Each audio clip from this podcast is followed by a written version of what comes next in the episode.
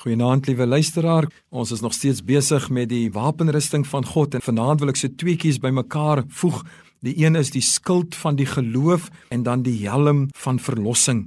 Hebreërs 11 vers 1 verduidelik vir ons wat geloof is. Dit is 'n vaste vertroue. Hebreërs 11 vers 6 praat van dat hy wat tot God gaan moet glo dat hy is en dat hy 'n beloner is van die wat hom soek. Dis nie so maklik om in 'n onsigbare God te glo nie. Maar die wonderlikheid is dat as jy die gees van die Here in jou het, dan maak dit makliker vir jou.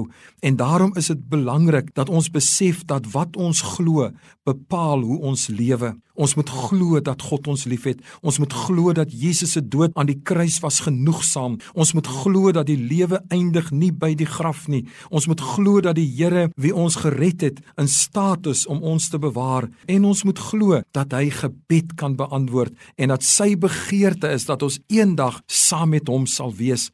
En daarom sê neem aan die helm van verlossing. Met ander woorde, bewapen jou gedagtes daarmee. Ons gedagtes is ons grootste vyand. Ons gedagtes beïnvloed ons of positief of negatief. Ons het die vermoë om onsself kwaad te maak deur net die gedagtes wat ons bedink.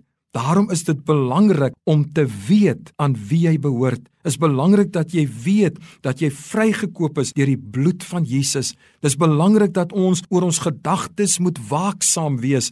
Dit is om deur geloof te wandel en nie deur aanskouing nie. Dis om nie toe te laat dat selfs mense jou gedagtes negatief beïnvloed sodat jy negatief moet dink nie. Daarom sê sit dit op as 'n helm en ons weet wat met Goliat gebeur het in sy helm was daar 'n klein opening en toe Dawid die klip daardeur slinger het dit sy dood veroorsaak. 'n Mens se gedagtes kan jou afbreek en jou vernietig. Dit kan jou depressief maak en daarom is dit belangrik dat jy jou met die gedagte van my vertroue is nie in mense nie, maar dis in die Here in en dit moet deel wees van jou wapenrusting. Mag die Here vir my en vir u daarmee help. Here, baie baie dankie dat u vir ons volledige bedekking gee as wapenrusting. Ek bid dat u vir ons help daarmee dat ons ons geloof opnuut sal herbe bevestig in U dat ons die helm van verlossing sal opsit en ons gedagtes verfris met die wete ek weet aan wie ek behoort. Here, ek bid U nou